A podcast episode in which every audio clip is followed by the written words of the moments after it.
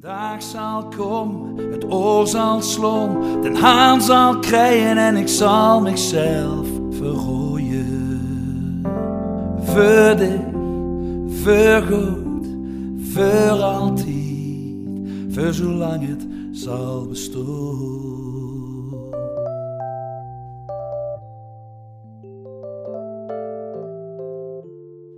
Verzuip maar. Bekijk het maar. Ik ga jou niet helpen. Het was voor mij een van de eh, meest bizarre levensgebeurtenissen. Het was. Ja, het is voor mij echt onbegrijpelijk dat er mensen op deze planeet rondlopen die, die, die zo asociaal en zo egoïstisch zijn. Dat ze zelfs mensen in, in nood, mensen in, in, in absolute nood, mensen die ze gemakkelijk hulp kunnen aanbieden, simpelweg laten vallen. Zo van zoek het je maar uit, eh, stik er maar in, val maar kapot of in ons geval, eh, ja, verzuim maar.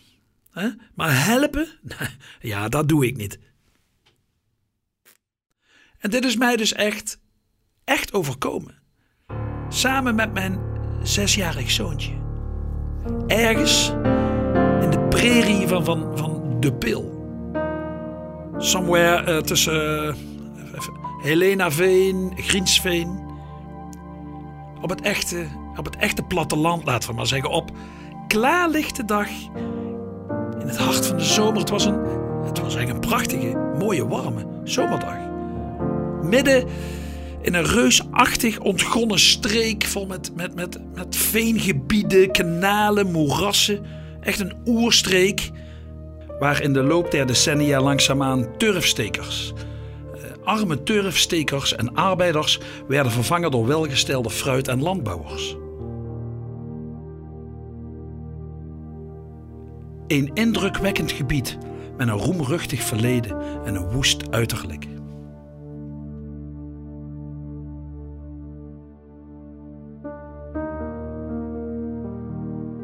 Op deze weg waar, waar het gebeurde.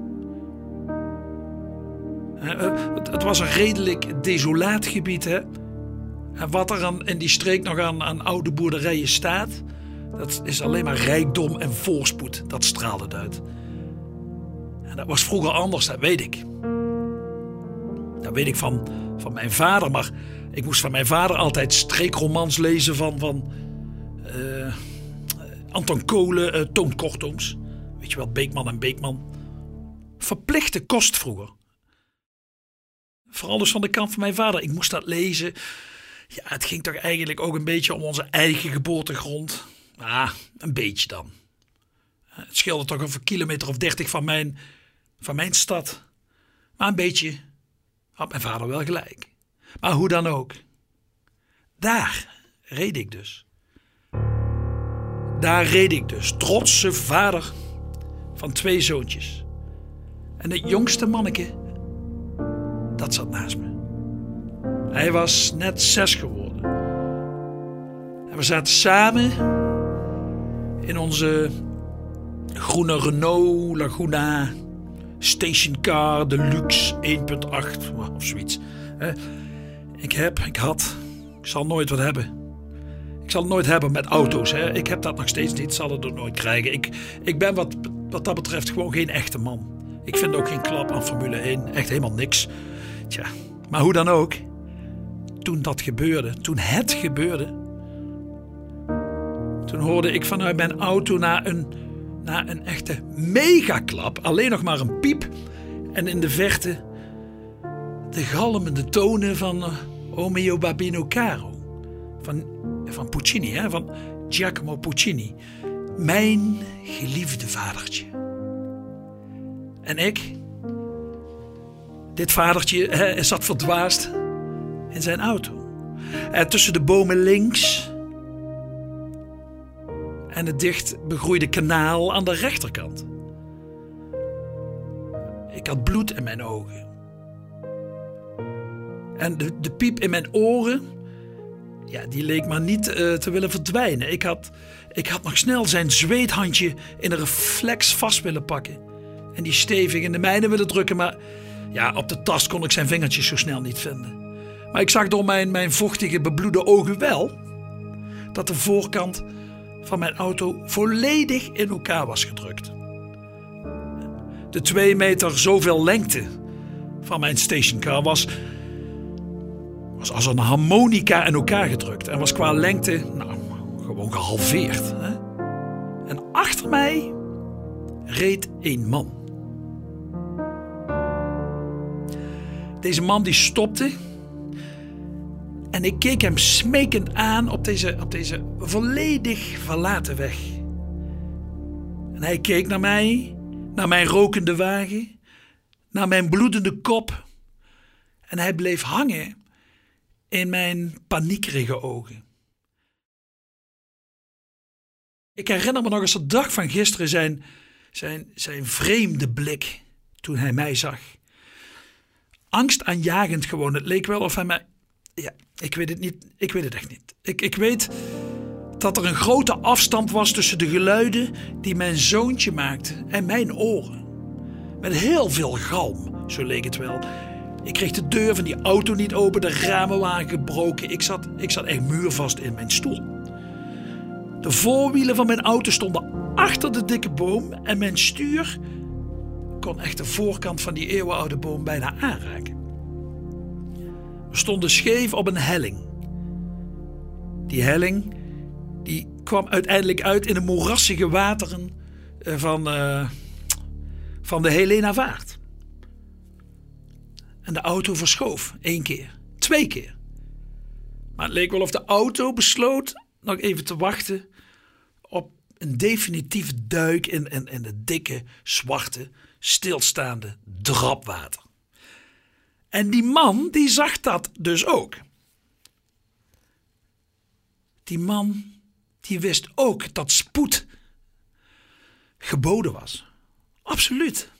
Hij zag het. Ik zag dat hij het zag. Hij leek even te overleggen met zichzelf. Hij keek mij weer aan en hij reed gewoon weg. Hij reed gewoon weg.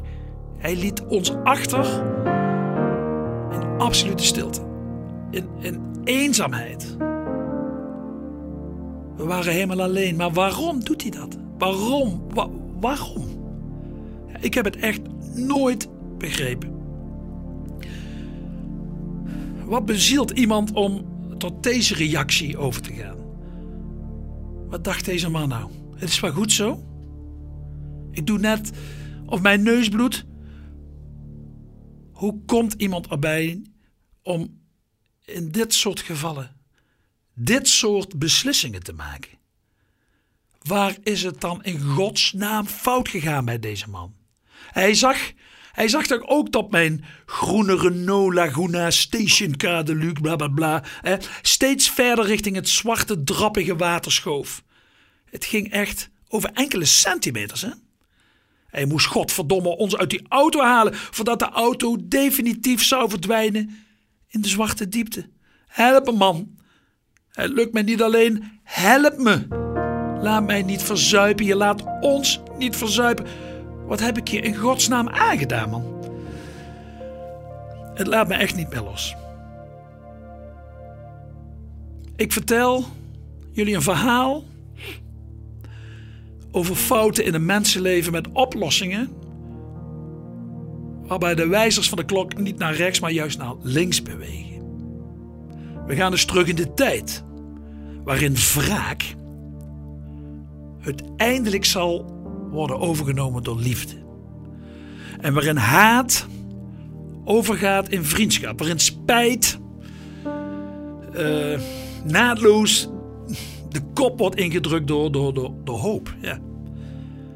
Soms zal het humoristisch zijn,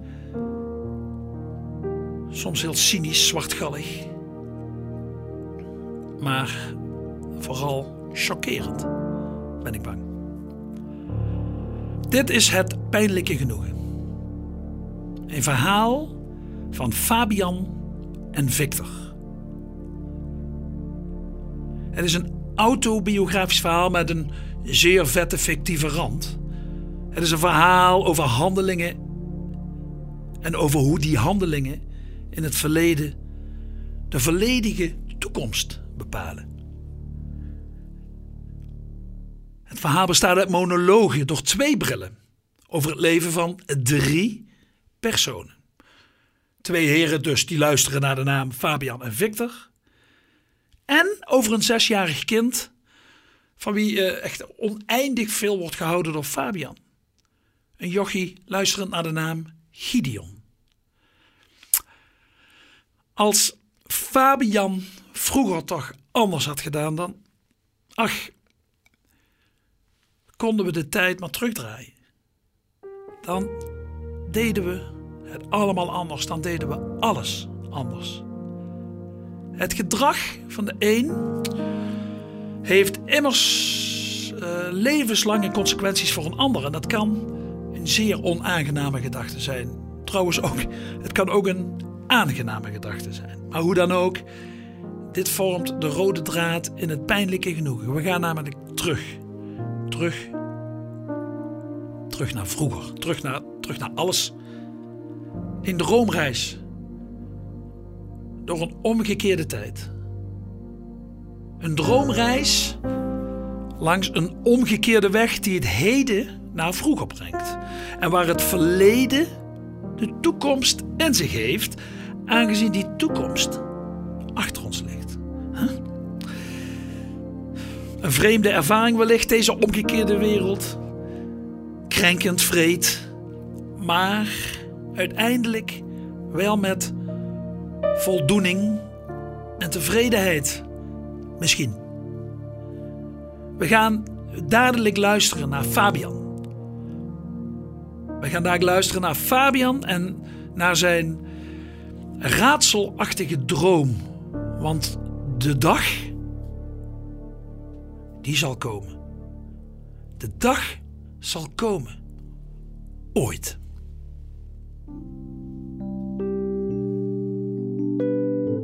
Je hebt geluisterd naar Het Pijnlijke Genoegen.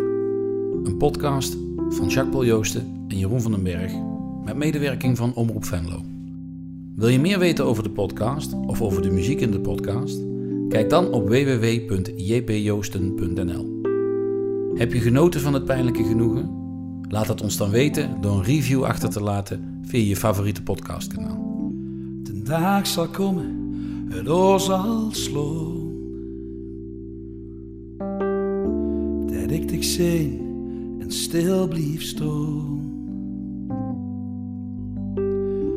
En alles loten verwaarde is. Het is geschreven, het is beslist. De dag zal komen, het oor zal slaan. En al de wereld zal vergaan. De moor zal vallen en de grens verdwijnt. Ik zal niets meer dezelfde zien. De dag zal komen, het oor zal slaan, de haan zal krijgen en ik zal mezelf verrooien. Voor dich, voor altijd, voor zolang het zal bestaan.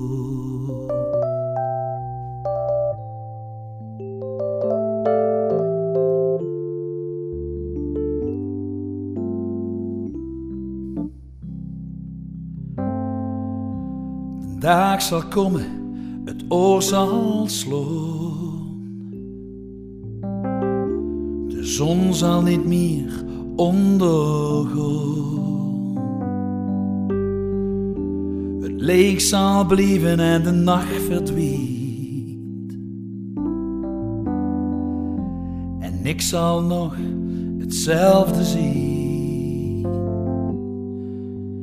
dag zal komen, het oor zal slaan, de haan zal krijgen en ik zal mezelf Voor dich, voor goed, voor altijd. Voor dich, voor altijd, zolang het zal bestaan.